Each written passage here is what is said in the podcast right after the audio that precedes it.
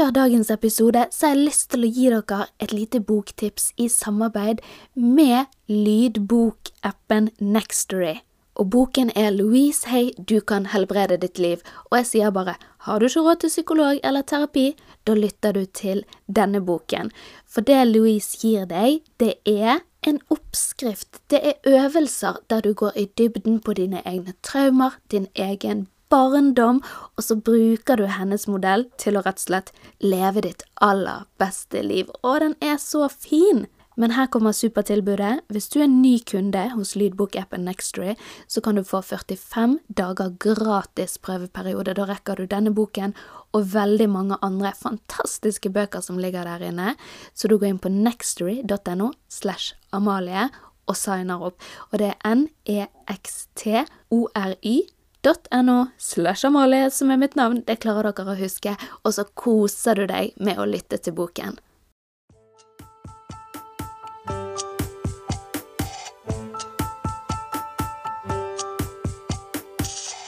Hallo, Benedikte. Hallo. Og en eh, kjapp oppdatering på Østferien. Vi er tilbake etter en liten ferie. Det var ganske deilig. Har vært syk hele ferien for min del, men eh, det er ingenting å klage på. Og du har pusset opp.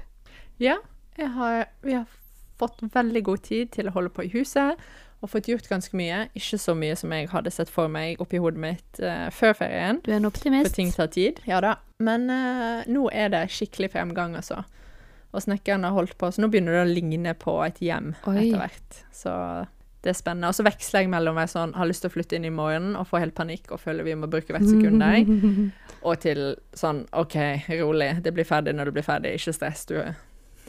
så det er sånn stadig berg-og-dal-bane. Når på det. skal du være inne til? Altså, har du et mål? Er det sånn til nyttår? Er det ute i neste år? Hva er, hva er tidslinjen din?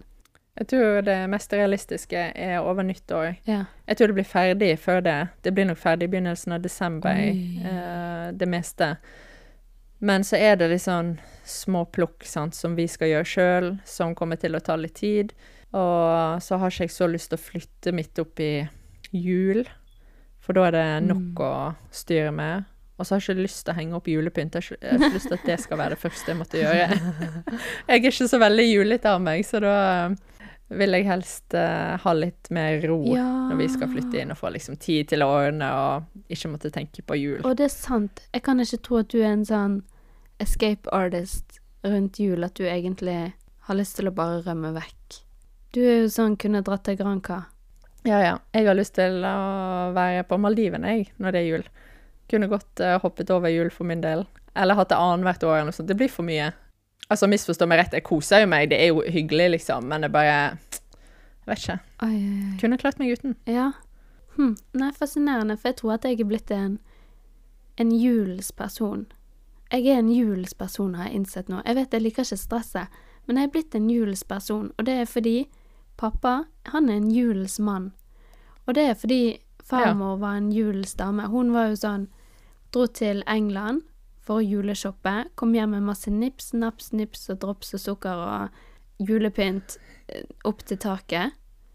Og du vet sånne appelsiner med sånn Er det nelliker det heter? Som ligger rundt, sånn at det Ja, ja. luktet godt. Og så nøtter, og så Altså, hun styret og stelte så sykt. Og pappa er selvfølgelig ikke der, på det nivået, men han er ganske Han er på et høyt nivå til å være en mann, da. Se, han er på et grådig Ja. høyt nivå. Han er en julesmann. Det, det kan han. Det skal han ha skryt for. Han er en julesmann. Og det kjenner jeg at jeg òg har en sånn. Jeg er blitt en julens dame, liksom. Det er ingen sånn der, eh, traumatiserende juler. Bare lykke og gode ting, på en måte, da. Av de julene der oppe. Ja.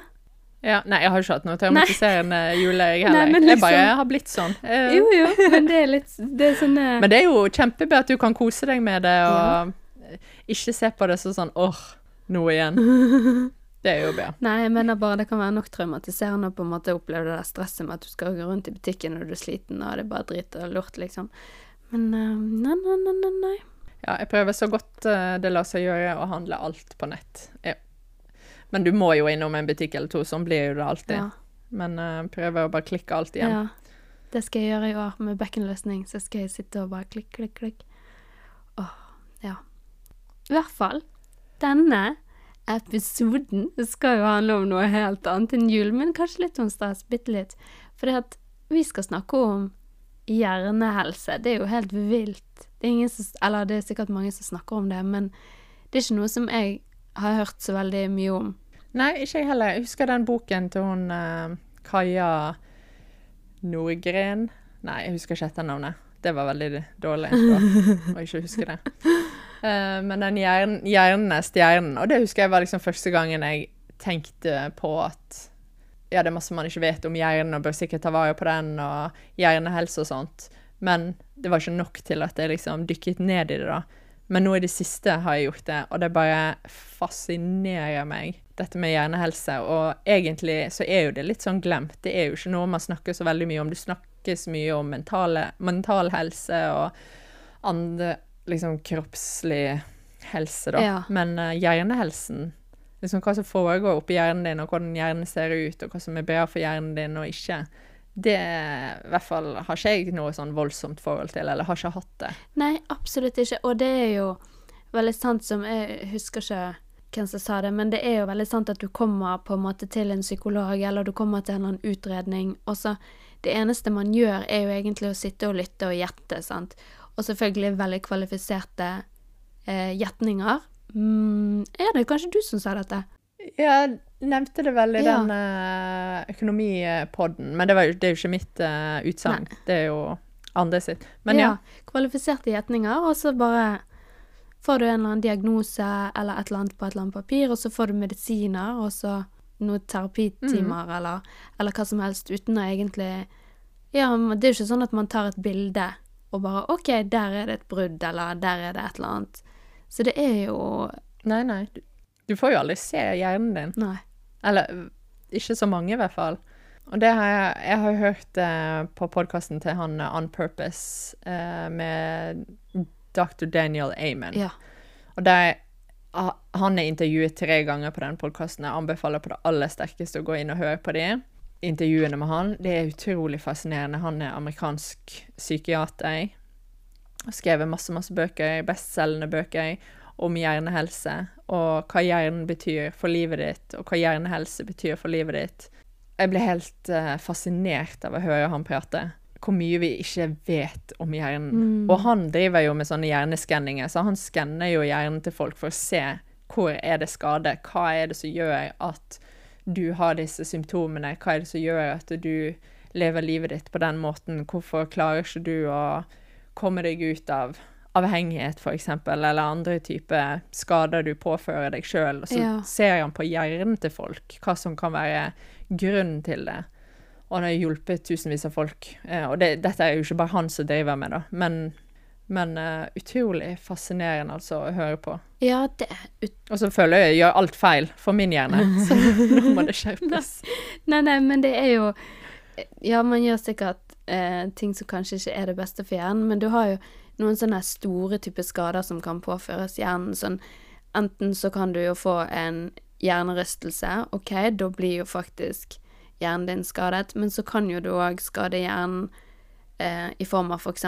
traumer, sant. Du ser jo folk som har vært i Irak i, i, krig, eller ja, hvor som helst. Uff, herregud. Bare tenk på Ukraina, sant. Alle de små barna som nå blir, blir bombet, og som ender opp med eh, med en skadet hjerne på den måten, i form av at eh, man får ja, PTSD og alle mulige hva skal jeg si, traumatiske skader, og fysiske skader. Så du kan jo dele det nesten i de to, da. Og begge deler kan visst sees på en skanning. I hvert fall så eh, Ja. Ettersom jeg, som jeg har nevnt før, jeg har sett eh, på The Kardashians når han her Dr. Ramen driver og skanner Chloe sin Khloe Kardashian sin hjerne, og da klarer han jo å se de traumatiske skadene også på hjernen, og det er jo helt sånn utrolig at du skal, ja, eksempel skanne et krigsoffer, eller eh, ja, samme hva offer, men det var det eksempelet jeg kom på, og så faktisk se den skaden, det er jo helt utrolig. Ja, og det er liksom alle traumer, små og store, og erfaringer du gjør deg, alt du gjør i løpet av livet ditt, setter et eller annet spor, positivt eller negativt, da. Så det der eh, Jeg skulle gjerne ha skannet min egen hjerne for å se, Ja. men å høre han prate om det, og, og eh, den på en måte innstillingen han har til folk som er skadet på en eller annen måte, da, som sliter med noe i livet sitt, Ja. så er det er spørsmålet liksom Hva er det som har skjedd med deg? Mm. Ikke 'hvorfor er du sånn', Ja. hva er det du holder på med, skjerp deg. Men det er sånn, hva er det som har skjedd med deg som gjør at du har det sånn? Og det er òg en veldig spennende innfallsvinkel, syns Ja. jeg, til folk sine utfordringer. sant? Fordi det er jo ingen som er født slem, eller som ønsker å være et dårlig menneske. Og alle har på en måte en eller annen ja, de, de fleste har en eller annen traume, da, som gjør at de Som har formet de. Og han har viser jo til masse eksempler der han har skannet eh, hjernen til innsatte i USA, da. De som sitter inne for de verste handlingene, sant. Hvor enorme skader som er på hjernen Yes. deres. Og så har han jobbet med de og sett de fordi det er jo det positive, da, at det kan repareres i de aller, aller fleste tilfeller. Så er det mulig å fikse det.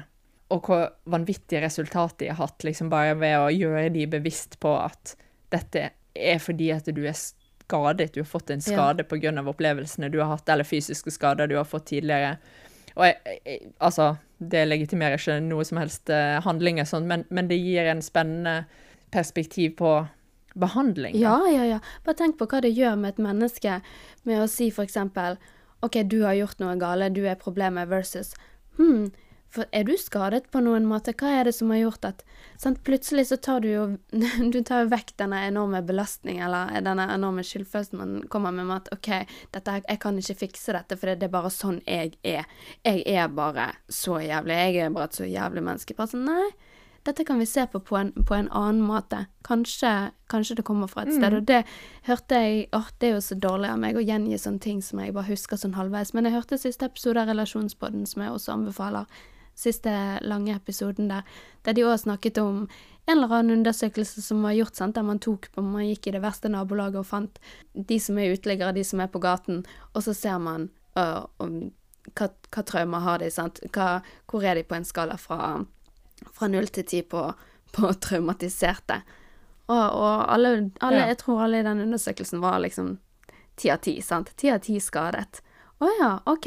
Hva skal jeg si, du kan, du kan ikke bare si sånn skjerp deg, kom deg ut av gaten eller få deg en jobb, for det, du er faktisk skadet. Du har faktisk blitt forgrepet uh, på som barn, eller du har blitt slått av din far, eller altså alle disse tingene her.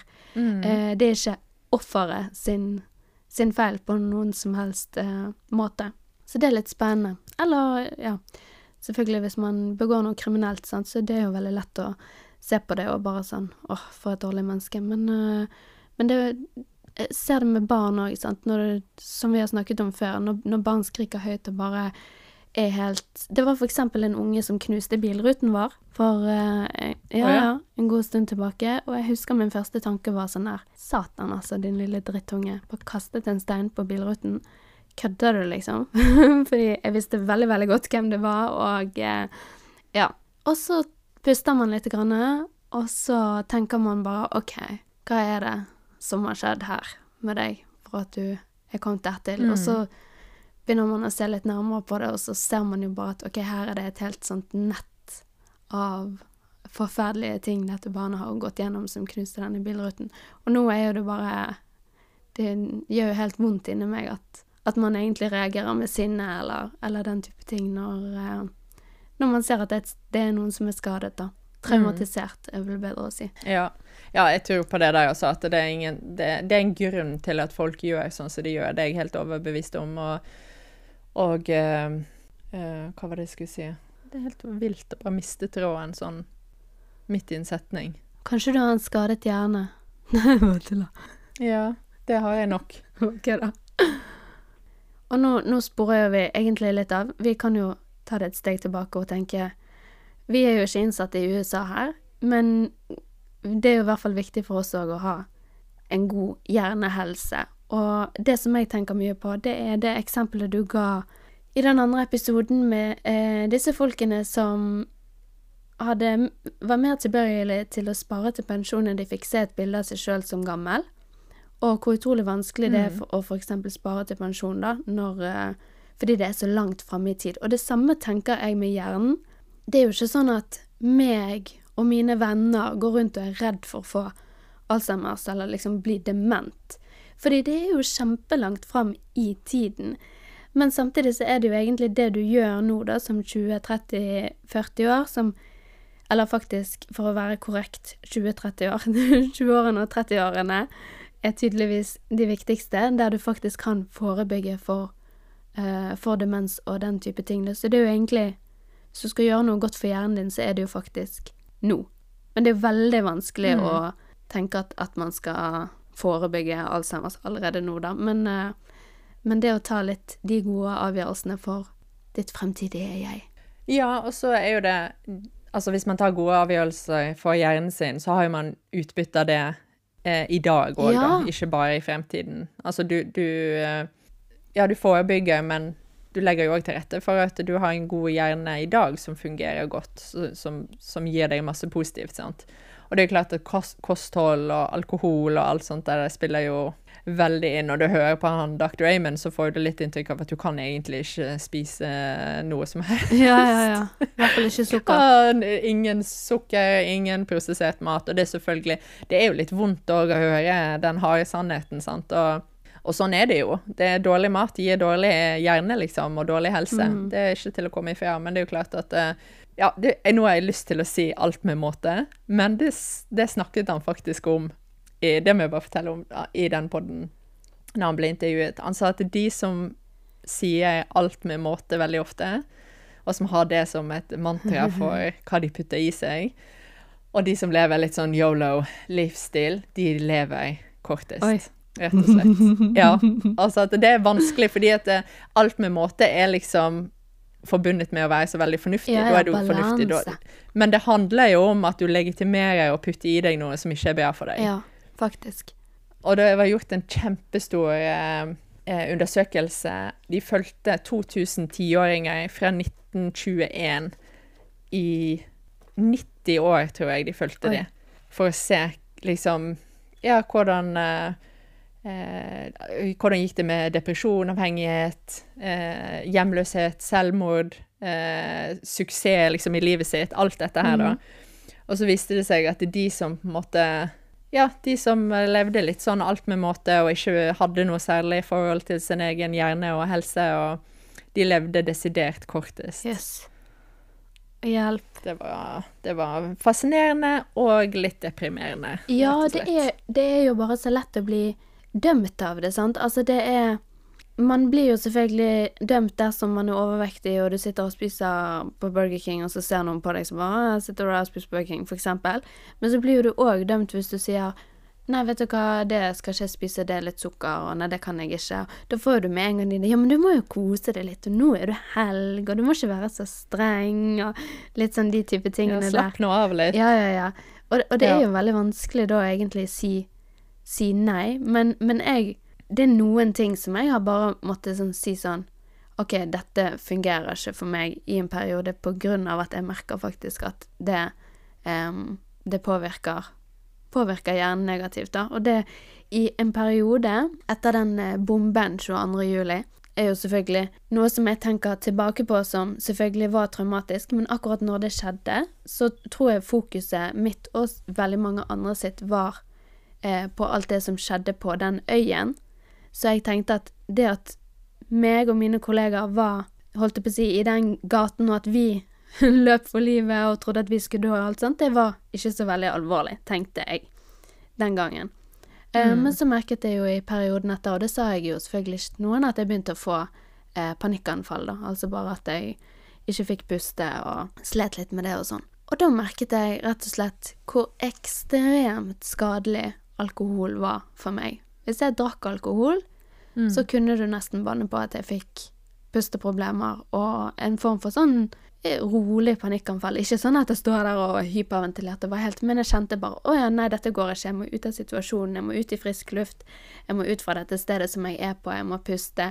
Og det skjedde med en gang fra jeg bare tok kanskje to drinker, og jeg kjente denne endringen i hjernen. OK, dette, dette må jeg slutte med, da. Og da var det selvfølgelig Mm. ganske lett for meg å kunne si det, fordi det er ingen som kan krangle på det.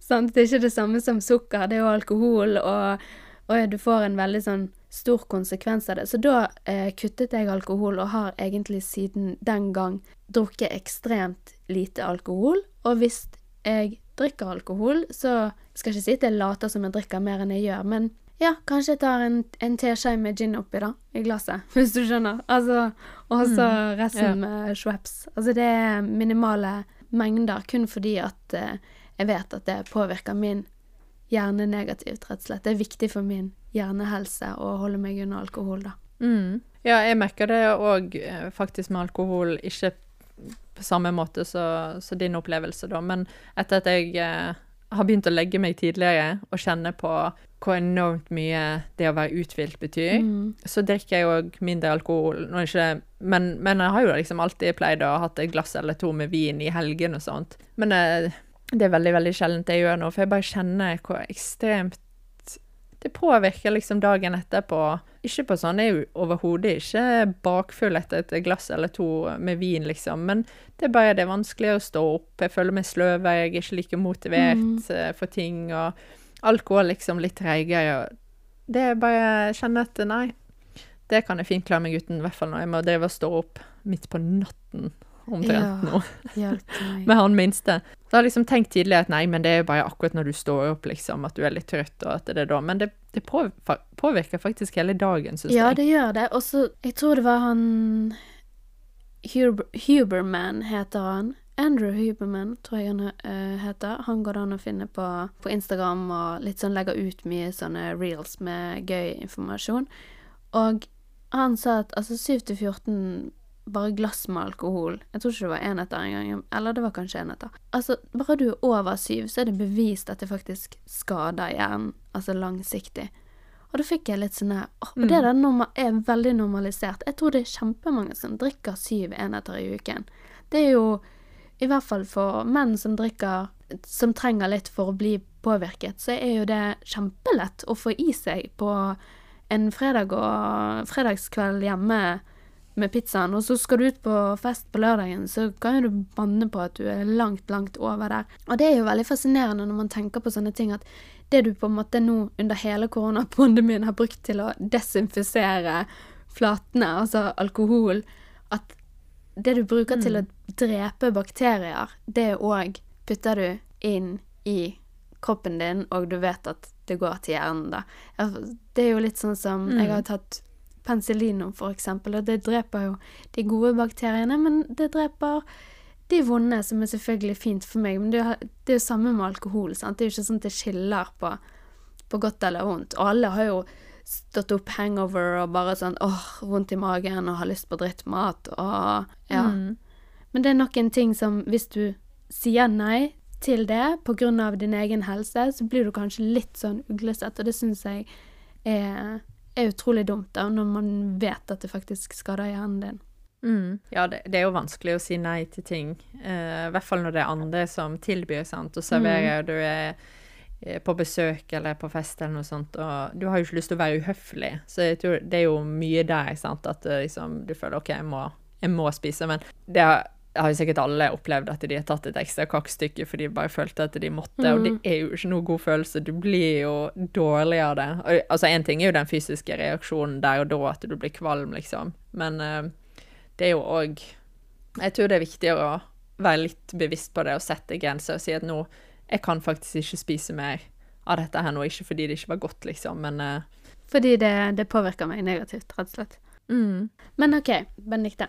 Jeg havner jo inn i sånn TikTok-strømmer, selvfølgelig, der jeg får opp masse greier. Og jeg tenkte kanskje jeg skal gjengi noe av det jeg har sett der. Og som sagt, her, vi er ikke eksperter på dette feltet her, vi er kun interessenter. Så dette her må jo kildesjekkes av, uh, av de som gidder det. Men i hvert fall så så jeg en fyr som bare sånn OK, her er kjennetegnet til hvorfor du faktisk kanskje har litt dårlig hjernehelse. Og det han nevnte, det var egentlig ting som jeg i perioder har kjent meg veldig igjen i.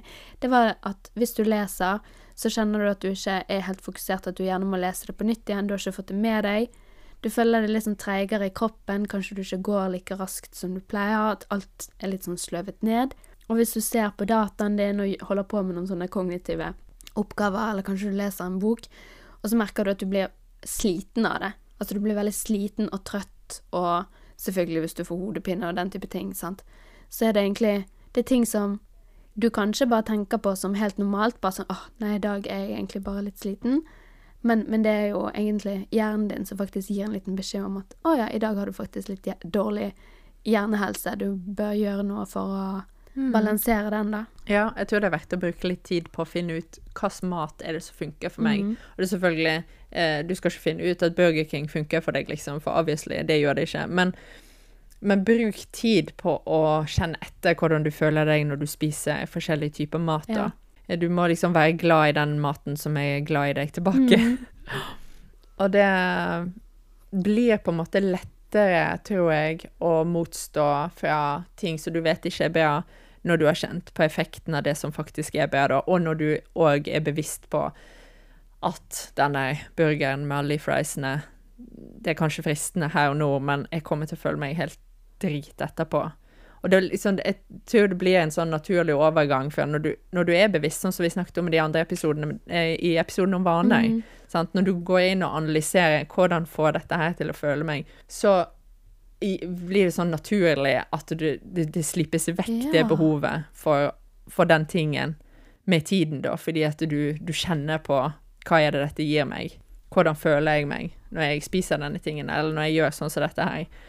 Så det òg snakket jo om i den podkasten, at, eh, at det å være bevisst og kjenne etter, og kjenne sin egen kropp og sin egen reaksjon, og alle er forskjellige, så det er ikke alle typer kost. Du kan ikke bare liksom skrive ut ett kosthold til alle mennesker på hele verden, fordi, i hele verden, for alle reagerer litt forskjellig på forskjellig mat, rett og slett. Så liksom å ha et bevisst forhold til hva er det som funker for meg, hvordan reagerer jeg på sånn og sånn, og hva er mengden som jeg på en måte føler at, Ja. at jeg kan tolerere, da. Og dette er jo litt sånn som du har nevnt før, dette med at magen er den andre hjernen, og at dette er koblet. Um, God. Tenk at jeg kommer med hele tiden som TikTok som fuckings kilde her. Det er ikke meningen, men jeg ser så mye spennende på TikTok, fordi Og dette her er jo Dette her er frem... Jeg vil bare ta en liten detour her, men dette er jo fremtiden. Det er jo bevist at dagens ungdom i dag, de går heller på YouTube og ser en tutorial enn å lese bruksanvisningen. De åpner ikke bruksanvisningen engang. Og det neste steget fra YouTube, som er enda raskere, det er TikTok. Så jeg, hver eneste gang jeg vil ha informasjon Jeg ville gjerne ha informasjon om fuckings Kanye West og denne White Lives Matters-T-skjorten hans som jeg ikke skjønte dritten av. Jeg går på TikTok og googler. Jeg kan ikke gå inn på Kanye West engang, men OK. Og, så, og det samme, da. Så derfor har jeg en sånn veldig sånn feed som bare gir meg eh, masse sånn gut health, brain health-greier. Men uansett, det kommer i hvert fall opp en eller annen fyr på TikTok. Han heter Trent. Det er brukernavnet. Bare Trent. Og han snakket også om dette her med at tarmbakteriene, og eller balansen du har i tarmen, er knyttet til f.eks. autisme, ADHD, alt mulig sånt. Og jeg har ikke satt meg inn i det der, men det vekket min interesse med at å ja, ok, kost er faktisk såpass viktig at det kan påvirke diagnoser som du har fått oppi hodet, og depresjon og alt mulig. Det er jo kjempespennende. Da er jo kost eh, nesten det viktige Eller selvfølgelig, jeg vil jo si at søvn selvfølgelig er på toppen, men da er jo kost bare helt utrolig mye mer viktig enn det vi egentlig klarer å, å, å tro. Ja, absolutt. Nei, det, det tror jeg, eh, tror jeg Hva du putter i deg, er liksom alfa og omega, egentlig, for, for helsen din, rett og slett. Eh, han listet jo opp et par ting som eh, kan liksom være naturlige supplementer eller erstatninger for eh, ulike typer medisiner, da. Og, og ikke at nå skal ikke jeg gå, gå ut og eh, Altså, jeg er ikke lege Nei. så hør på legen din. men, men det jeg syns var veldig interessant av det han nevnte, det var at safran Ja. har vist seg gjennom flere studier å være like effektiv som antidepressiva. Pluss at det øker seksuell funksjon og hukommelse Yes. og humør, og det har ikke de negative bivirkningene som antidepressiva har. Det syns jeg var fascinerende. Og det er jo tusenvis av andre eksempler på Ja, ja, ja. hva kosthold Altså, kosthold fjerner jo Kan i mange tilfeller fjerne behovet for eh, medikamentell behandling, da. Man må bare vite om det. Å, jeg har en quote. Jeg har en, en quote. Vent litt. Nature is so smart. It puts the medicine in the food. True that, True man. that, man. Og jeg har jo vært veldig i, i Skulle si i mitt tidligere liv, men, men uh, i min uh, bakgrunn innenfor kosmetikk og alt dette her, så har jeg alltid vært veldig opptatt av hva jeg kan spise for å få god hud, ikke sant. Og det jeg har funnet ut litt grann underveis, det er jo at mange av de tingene som jeg egentlig har spist for god hud, er jo også eh, ting som blir anbefalt for, for hjernen. Altså for eksempel Mm. David Sinclair, som jeg eh, har nevnt 100 ganger, og som jeg mener at alle virkelig bør høre, høre den Lifespan-podkasten, som er superbra. Jeg tror det var din bror som anbefalte den til meg, så det er jo helt fantastisk, for den er så bra. Men han nevner dette her med eh, Mediterranean diet, ikke sant? At du Det å få i seg en halv avokado for dagen, det er bra for huden, men det er òg bra for hjernen, folkens. Yo! Så du får ikke inn en nydelig glødende hud, men du får òg en sunn hjerne.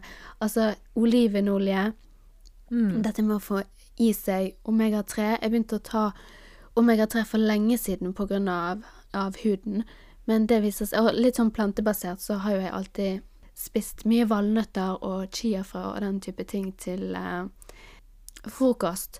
Og så har jeg liksom funnet ut at folk kan ta omega-3 for depresjon i ettertid. Så det er jo bare litt Mm. sånn her Jøss, det er helt nytt for meg at de tingene jeg har brukt mot, mot eh, fin hud, eller for fin hud, de kan du faktisk òg bruke for å ikke være deprimert og den type ting. Så det er jo bare egentlig win-win i å sette seg litt inn i hva kost som er, er godt, for, uh, godt for deg. Mm. Vi kan jo nevne i den sammenheng, eh, eller anbefale for de som ikke allerede gjør det, å gå inn og følge Ernæringsmamma på Instagram. Ja. Jeg vet ikke om hun er på TikTok òg. Der får jo man ekstremt mye eh, god informasjon om kosthold som er bra for deg, da, og som òg er bra for hjernen din. Og det er jo eh, spesielt rettet mot eh, foreldre, da, og kosthold for barn, men det er òg for voksne Ja. og en bevisstgjøring eh, på det å tørre å Altså, se på ingredienslisten, liksom. Mm. Tør å gjøre det. Og les det litt opp om hva er det du putter i deg. Det kjenner jeg, Der har jeg en, en lang vei å gå, men det føles godt å i hvert fall være i starten av bevisstheten på det. Da. Ja, 100 Jeg har veldig lyst til å bli bedre på, på kost. Bare fordi jeg kjenner nå, da, nå som jeg har vært Jeg har jo egentlig sluttet å spise godteri og snop og den type ting. Jeg har, jeg har egentlig levd veldig, veldig sunt i det siste. Og nå i helgen så har jeg spist Og det er min far sin feil, for han sa smågodt er 9,90 på Spar. Og så- han bare 'Kan du ta oppi noe sjokolade?' Så da gikk jeg jo ned og kjøpte smågodt sikkert for første gang på flere år. Og jeg bare Det er så rart hvor dårlig jeg føler meg, og hvor mer nedstemt jeg egentlig har vært i dag, da. Nå er jeg allerede litt nede i dumpen, og er det fremdeles, så det, det virker jo inn. Men, men de dagene der jeg bare spiser sunt, jeg merker det umiddelbart. Og når du begynner å faktisk eh, tracke litt den type ting Jeg har brukt en app som heter Dailyo. Um, og jeg tror du må betale for den i lengden, men jeg tror den er litt gratis. Og jeg husker ikke hvordan det der fungerer. Men da er det sånn at du på en måte skriver inn på Dailyo, så trykker du OK, i dag er jeg very happy, happy du. Så bare trykker du på den smileyen som du føler nå.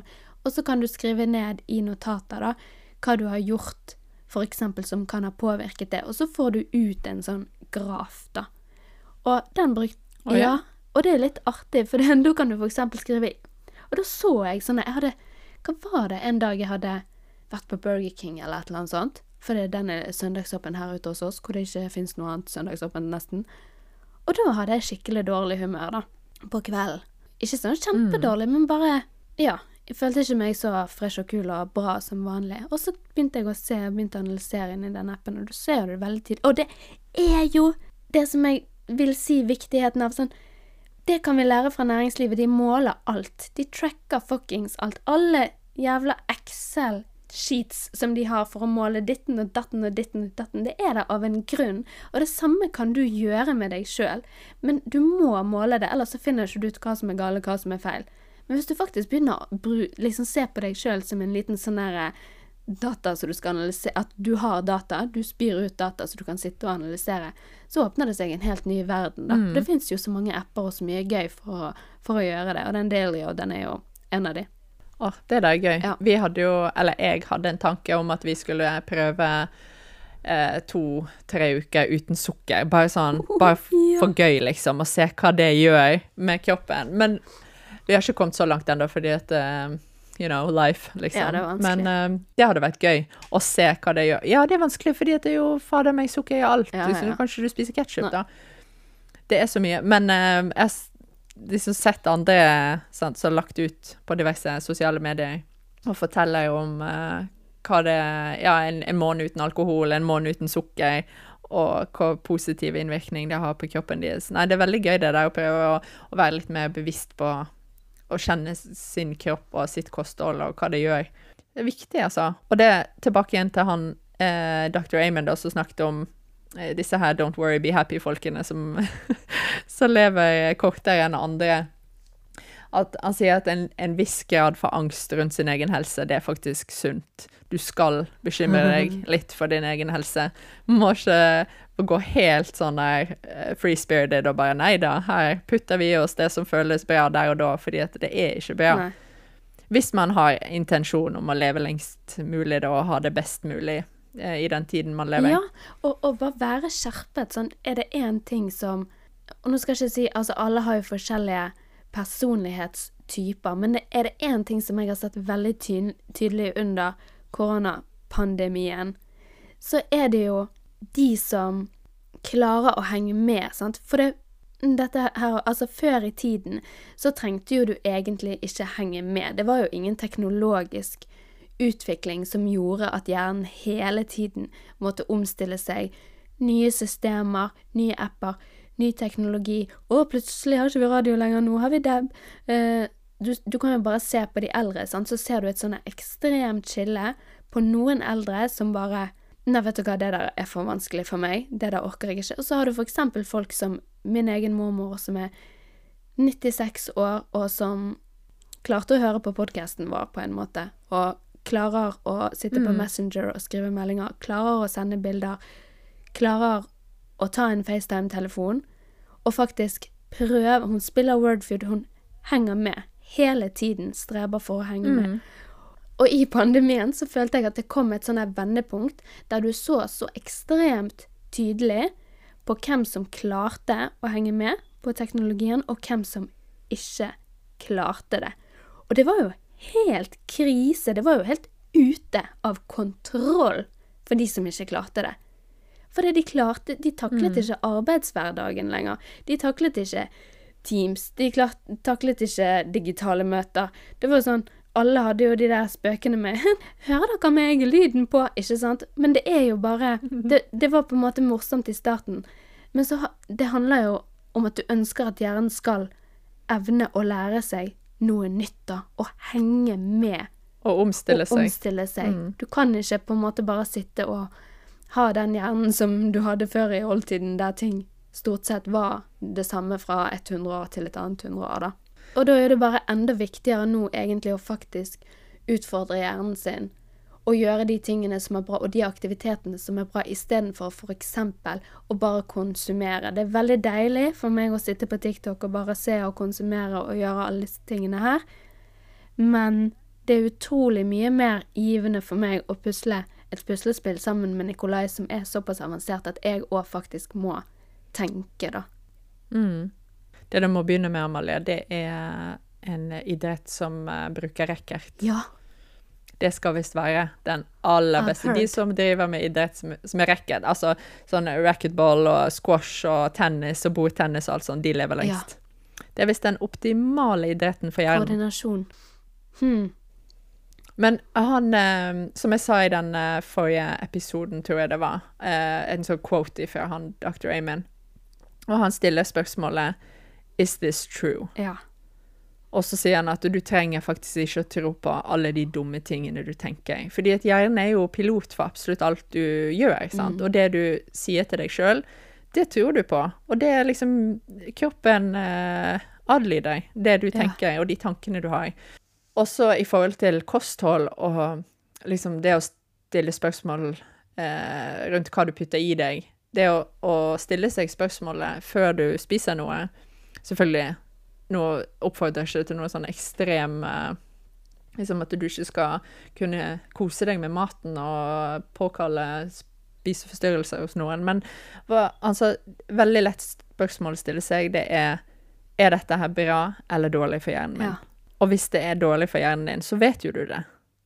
Da er det veldig enkelt. Da, men da har du i hvert fall tatt et informert valg, da, hvis du velger å spise det. Ja, ikke sant? Og det er jo det viktigste, at du er klar over valget du tar nå. Hva, hvordan påvirker det deg? Virkelig. For det, da, da har du faktisk tatt et, et valg. Altså, da er det ditt valg. Og det er det som kan være litt sånn forferdelig med matprodusenter og, og den type ting. At um, ting markedsføres jo som bra, og så innbiller du deg at det er det, sånn at du egentlig ikke lenger har kontroll på om valget er godt for deg eller ikke, da. Sant, for eksempel med eh, juice, som kan markedsføres som veldig bra, eller fem om dagen, alle, alle disse type tingene, men så er det jo egentlig bare type veldig, veldig mye fruktose kokt ned til bare sukkeret igjen, på en måte, med appelsinsmak. Ja, og, Mm. og nøkkelhullsmerket, sant. Ja. Så du tenker tar jeg det der, så har jeg tatt et sunt og godt valg, og så Mm. er det bare tull. Noe å tenke på. Ok, Benedicte, men det er bare én ting som jeg må ta her nå, fra min egen personlige erfaring. Og det er dette her med at du går eh, Som sagt, eh, nå har jeg vært litt inne på dette her PTSD, panikkanfall-greiene. Og det som skjedde med meg da, var jo selvfølgelig at jeg fikk medisiner. Som de fleste får for å kunne lettere eh, sove. De fikk jeg av en lege som jeg hadde borte i Oslo. Så når jeg kommer til Bergen, til en helt ny lege, han legen som jeg har nå i dag, så sier han dette her kan du ikke ta. Fordi dette her er avhengighetsskapende. Det er absolutt ikke, sier han. Har du fått dette? Nei, nei, ikke bra i det hele tatt. Å, tenkte jeg. For jeg hadde jo da blitt fortalt av denne andre legen at dette var 100% ufarlig, og det var noe som bare Ja, ganske mange tok, og ikke noe stress. Og så kommer jeg, og så får jeg en helt annen beskjed, og så tenkte jeg å ja, uff, nei, så skummelt, da. Det var noe litt ekkelt å få en helt annen beskjed der. Og så sa han nei, det skjer ikke. Mm. Og så førte jeg egentlig Så jeg fikk noe annet, da. Men eh, det, da var jeg på bedringens vei, skulle jeg si, så det førte jo selvfølgelig bare til at jeg um, trappet ned sjøl og avsluttet hele det der søvnmedisineringsgreiene der sjøl.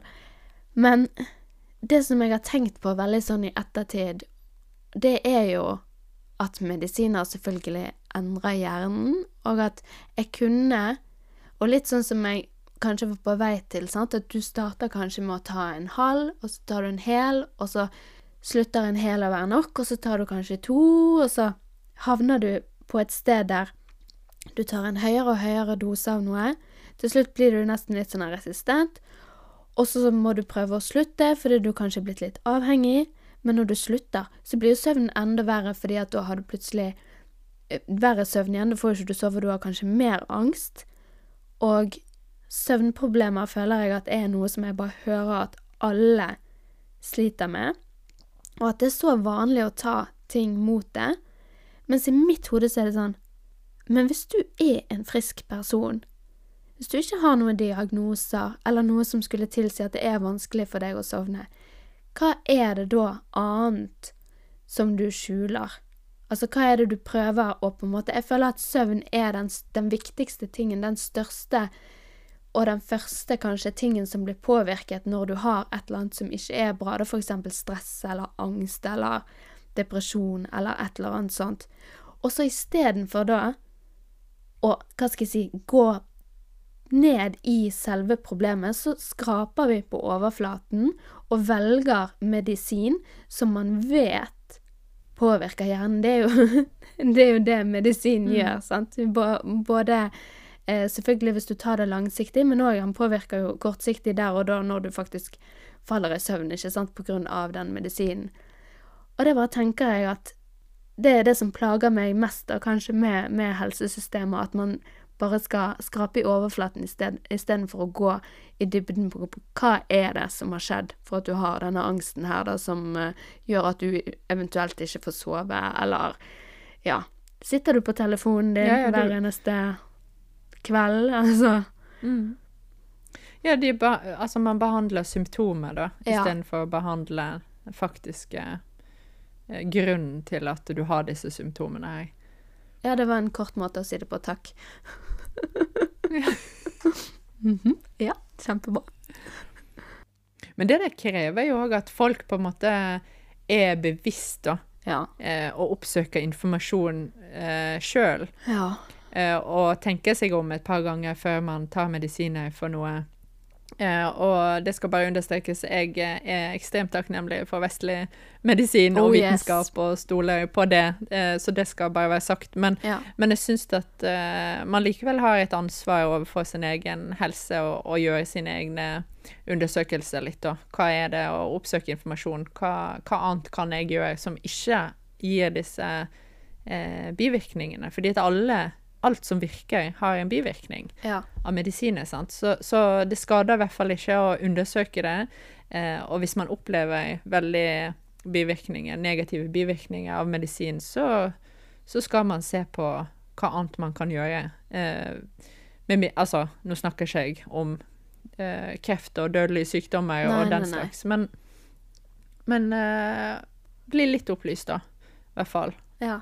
Men en ting som jeg har lyst til å legge til eh, om eh, traumer, da, som vi snakket om i begynnelsen av episoden, ja. som jeg syns var veldig interessant, som jeg ikke har vært klar over tidligere, i hvert fall, og det er jo at traumer kan arves. Altså opplevelser som dine foreldre og besteforeldre har hatt, kan du arve og ta med deg. Så du kan jo være eh, redd for ting, og ikke vite hvorfor du er redd for det, og så kan det faktisk være en traume du har arvet. Det er jo helt sinnssykt. Nei. Wow. Dette Det har vært bevist eh, lenge hos dyr at Ja. dyr kan arve traumer. Men nå er det òg eh, bevist i, hos mennesker, da. Og det syns jeg er fascinerende, altså. Og jeg hørte på en eller annen podkast med en eller annen lege, og den tror jeg det var du som anbefalte meg å høre. Er han eh, østerrikske legen? Å ja, ja, ja. Åh, den er god. Søren. Ja. Hva er det han, han- heter, da? Ja, Den den, var skikkelig bra. Mm. Ja, det må vi. Fordi han uh, var født under andre verdenskrig. Ja. Og moren måtte gi han fra seg i et år eller noe sånt. For han bare skrek og skrek og skrek, og hun visste ikke hva hun skulle gjøre. Uh, og det var ikke kolikk. Skrek døgnet rundt, var et veldig urolig spedbarn. Og pga. omstendighetene rundt krigen og sånt, så kunne ikke hun ta seg av han. Eh, I hvert fall store deler av det første leveåret hans, da. Men før hun eh, eh, ga han fra seg, så oppsøkte hun flere leger og sa hva gjør jeg? Han bare skriker. Og så sier han eh, legen som hun møter da, at eh, men alle barn, alle babyene som blir født nå, skriker. Viktig tilleggsinfo. De var jødiske, ikke sant? Og han sa alle jødiske eh, barn skriker. Ja. Og dette var vel. Dette var sånn to dager etter nazistene hadde entret landet, eller noe sånt. eh, Et et eller annet i den greien, sant. Men hun hadde i hvert fall gått hele dette svangerskapet og vært megasuperstresset fordi at nazistene kommer. Så, Altså, for et traume. Kan du tenke deg? Og det, dette har jo jeg hørt for veldig, veldig, veldig mange år siden, og det har jeg nevnt eh, til deg før, dette med hunder. At det har vært lenge bevist at hunder arver traumer, da. Og at eksempel ting som skjer med mor når hun går gravid, det vil overføres til, eh, til hunder. Så eksempel min hund sin mor eh, Dette var jo et helt sånn rescue-prosjekt, men hun hadde jo eh, valpekull i magen når hun var i en brann. Og jeg vet ikke om det er det, selvfølgelig, men eh, Leon takler ikke bål eller brann, eller at vi fyrer i peis- peisen. 100 eh, Så på nyttårsaften så står Oi. han i vinduet Nei, ikke nyttårsaften, eh, på sankthansaften, når det er bål, så står han i vinduet og bjeffer og er stresset, og vi må gå inn til han. For det, da er det et bål oh, utenfor. Ja. Og det har jeg liksom tenkt sånn ja, Merkelige greier, da. Men eh, kan det Mm. være fordi hun mm, var i en brann når han var inni magen på den hunden? Det kan jo hende. Mm. Mm. Ja, nei, det er da utrolig, utrolig fascinerende, altså. Ja. Og liksom, så det handler jo da plutselig ikke bare om deg sjøl og din egen helse, eh, og din egen psykiske helse, men det handler jo òg potensielt om eh, de fremtidige generasjonene sin helse, så altså barna dine og barnebarna dine. Mm. At man ønsker i hvert fall å gi de et best mulig utgangspunkt da, ved å ta vare på seg sjøl og sin helse, og sin men mentale helse. Og sin hjernehelse, ikke minst. sant? Hmm. Spennende. Det der har jeg lyst til å lære meg mer om, altså. Ja, kjenner jeg at det der kunne jeg godt ha tatt et kurs på, på universitetet eller noe sånt. Det er såpass Altså, det der er bare så fascinerende at det går an. Ja. Jeg må bare nevne én ting eh, som jeg syns er veldig fascinerende med hjernen, da, som jeg har tenkt litt på. Dette kom ut ifra en diskusjon som jeg Eller diskusjon, en samtale som jeg var hos min far i helgen, kort fortalt. Og min far, han er jo forfatter og skriver bøker. Og han sier at han skriver hele bøker i hodet uten å skrive ting ned. Og folk flest sier jo, når de ligger på, på kvelden, så kommer de på noe genialt, og så åh, må de skrive det ned, for ellers så er det glemt dagen etterpå. Og min far har jo skrevet hele sitt liv, det er jo eh, egentlig bare det. Altså, han bestemte seg, for det er veldig tidlig at det var det han skulle gjøre, da. Så om kvelden så kan han altså ligge og skrive og skrive og skrive oppi hodet sitt, og det blir ikke glemt. Og hvorfor kan han det? Det er jo ikke fordi at han er supersmart eller et unikum på å lage en hel bok oppi sitt hode før den skrives ned. Det handler om at det er en treningssak. Det er det han har trent sin hjerne til å gjøre. Og jeg hadde aldri klart det på den måten som han klarer det. Men bare det der at Bare det å vite at du faktisk kan trene hjernen din til å få en eller annen form for sånn superkraft. Og jeg tenkte litt på det med eh, Elon Musk, for eksempel. Du, dette her tror jeg jeg har touchet i før. Jeg lurer på om det er i 1% bedre i bokklubben, jeg snakket litt om det. Men at eh, Elon Musk er jo ikke unik på noen som helst måte. Folk tenker at han er unik, men egentlig, når du ser på han Min far hadde lest et intervju med han i Financial Times, og han sa det at det var et ræva intervju, og han framsto ganske dum veldig mange steder i det intervjuet. Men han har jo trent og trent og trent sin superkraft opp på å kunne akkurat disse tingene, og som Elon Musk sier sjøl, at han bare leser og leser og leser og leser og leser bøker og henter og henter og henter inspirasjon, og så er han blitt god på holdt på å si noen ting. Og det samme med Donald Trump. Så han er jo òg stokk dum av og til på ting. Du kan jo sitte der og bare sånn Hva faen er det som feiler denne fyren her? Men han har jo likevel trent seg opp til å være god på enkelte ting. Sånn det jeg har lest om han, er eksempel at han er en supergod forhandler. Altså, han er knallhard, og han er kjempeflink til å få, få i land gode avtaler, og på en måte vri folk på en eller annen måte som bare gjør at det er hans superkraft, da. Og det òg er jo bare trent, ikke sant?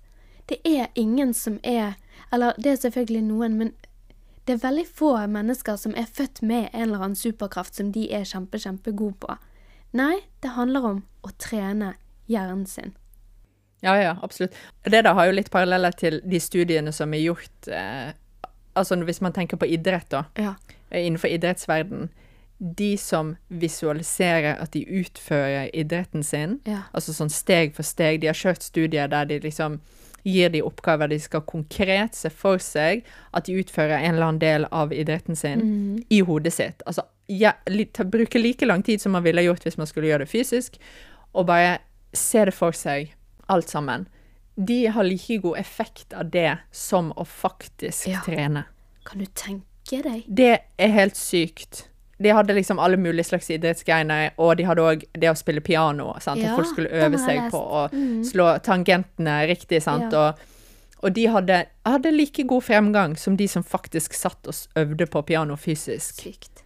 Ja, det er sykt. Altså, hva, hva liksom tankekraften kan Ja. ha å si for måten du klarer å prestere og utføre ting. Det er fascinerende. Så kraftfull er hjernen din. Tenk så viktig det er å ta vare på den når den er så kraftfull. Du kan bruke den til å skape helt nye ting her i verden. Du kan bruke den til å bli akkurat hvem du vil. Du kan bruke den til å få den superkraften som du vil. Det må jo bare være en motivator til å, å ta noen gode valg. Fy søren, jeg må ned og kaste det der smågodtet. Nei da, det skal ikke jeg. Jeg skal spise det opp først. Men, men, eh, men virkelig. Eller Og så skal du kjenne etter hvordan det føles. du har gjort det. Nei, men eh, fy flate. For meg, i hvert fall Ja, jeg har, vært litt på det gode sporet, men jeg er kanskje enda mer motivert Jeg blir alltid motivert av min egen podkast, virker det som. Benedicte. Jeg blir alltid motivert og inspirert av oss. Men jeg, har så lyst til å utforske litt det der med å eh, altså ha en god Hva heter det? Tarmflora. Altså gode tarmbakterier. Og se hvordan Em, ja, faktisk kosten og dette her påvirker hjernen min, da. Og så merker jeg veldig at jeg har hatt litt dårlig døgnrytme i det siste. Og jeg vet at når jeg sover godt, så er jo det da hjernen fungerer. Og dette sa min far alltid til meg før en viktig prøve. Så sa han hukommelsen din blir bedre hvis du faktisk sover før den prøven og ikke sitter oppe og pugger hele natten. Og det er jo selvfølgelig sant. Eh, selv om det er veldig fristende å sitte oppe og pugge hele natten. Og hvis du ikke kan stoffet, så må du faktisk sitte oppe og pugge hele natten, for det er det eneste som hjelper da. Men hvis du har pugget godt nok, så er det noe med å få seg denne søvnen, altså. Som er Det har jo alt å si for hvordan du presterer. Ja, det har virkelig det. Søvn og drikke nok vann. Altså hydrer deg sjøl. Ja, å være i aktivitet. og nå kommer alle de kjedelige eh, rådene, men det er jo det samme, sant. Få opp blodet til hodet. Du må bevege deg. Du må komme deg ut og få frisk luft. Du må spise sunt. Åh, så kjedelig, men så viktig. Ja, det er superkjedelig. Jeg må bare si en ting som jeg har lært av denne Aura-ringen min. Jeg har den ringen som tracker søvn, og den sier veldig Jeg tror i hvert fall det er den, men da er det veldig sånn at la oss si Folk tenker jo veldig på dette med å legge seg, men at det er veldig viktig å bare stå opp til samme tidspunkt for å få en god rytme, da. For det med en gang du tenker 'å nei, la meg litt seint, kanskje jeg bare sover litt lenger', så begynner du å tulle til rytmen. Så du må egentlig, selv om du har lagt deg litt seinere en dag, så må du faktisk bare stå opp til samme tidspunkt, sånn at du lettere Da er du trøtt på kvelden igjen og kommer inn i rytmen på den måten. Så det har jeg tenkt litt på at eh, For jeg er jo ganske god, i hvert fall nå, selvfølgelig, når jeg eh, bare har sporadiske avtaler og kan sitte og jobbe akkurat når jeg vil. Så kan jo jeg sove lenger de dagene Anders leverer. Så da gjør jeg jo det. Men jeg bør jo faktisk fokusere på det å stå opp til samme tidspunkt for å få en god rytme. Ja, det der har en kjempeinnvirkning på meg. Jeg liker ikke å sove lenge.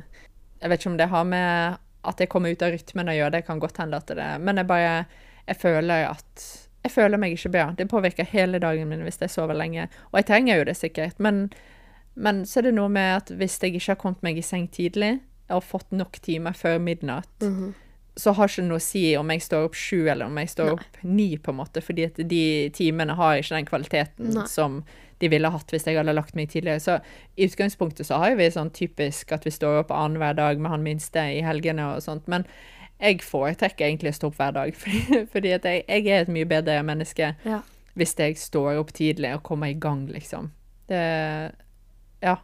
Nei, så, så søvn, det er kjempeviktig å få nok søvn og legge seg eh, tidlig nok før midnatt. For de Yes. timene før midnatt, de betyr De er det mye, mye mer enn de timene etter midnatt. Og det er derfor unge skal legge seg tidlig, òg. det er derfor unge skal, skal eh, holde på døgnrytmen sin, selv om det er helg, og selv om det er ferie. Og du, fordi at eh, de, de timene fra sju til midnatt er ekstremt viktige for hjernens utvikling. Mm, veldig. Det er da du får Og det er det gode- for voksne òg. Ja. Ja. Og da får du den gode, dype søvnen. Og det har jeg eh, lagt ut på min Instagram under høydepunkter på helsehacking for sikkert mange måneder siden. Der jeg har på meg den Aura-ringen, og så viser jeg litt sånn timene før tolv og timene etter, og jeg tror jeg har sammenlignet litt der. Eh, så ikke bare vet vi det, men jeg har faktisk fått testet det sjøl. Hvor viktig de timene før tolv er. Veldig kjedelig, altså. Utro Herregud, så kjedelig det er å være ansvarlig. Gud benedikte.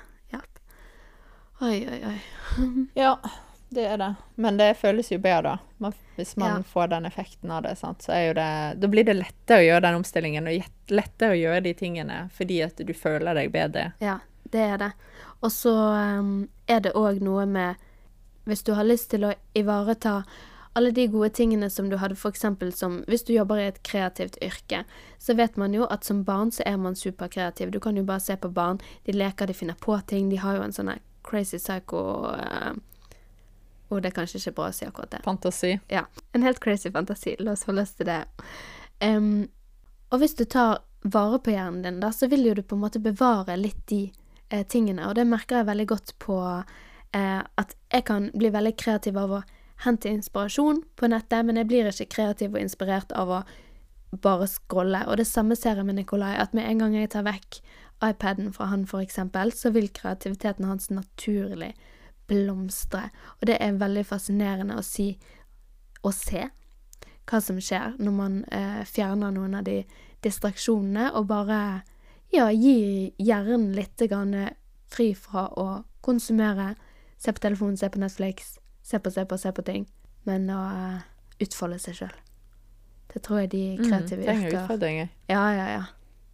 Nå tror jeg vi har skrapet litt i overflaten, i hvert fall på et felt vi egentlig ikke kan noen ting om, men som vi bare interesserer oss for.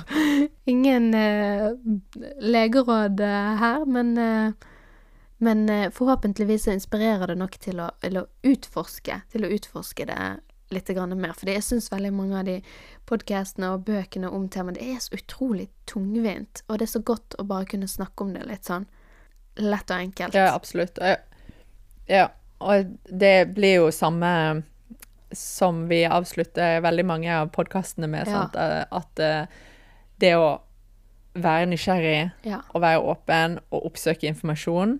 Fordi at man kan lære så vanvittig mye, og du har så mye igjen for det. Mm. Og liksom, det er vondt. Altså alt som har med kosthold og kropp og helse og sånt, det er, kan jo være fryktelig ubehagelig. Fordi Ja. at vi har alle våre vaner, sant, og du føler deg bedre når du gjør sånn og sånn, og du har lyst til å fortsette med det, og alt med måte, og don't worry, be happy, og hele Altså, det er veldig behagelig. Men så tørre å se litt på fakta, da. Er dette sant? Ja. Er dette bra for meg? Ja. Det tror jeg eh, er viktig. Du skal, du skal ha litt angst, som dr. Raymond sa. Og med det så er det bare å løpe, løpe, løpe inn på Your Podcast på Instagram og følge oss der. Og der har jeg lenket både Nei, det har jeg ikke. Jeg har ikke lenket noe der. Men i shownotene har vi lenket noen episoder som dere kan høre på. Jepsi pepsi.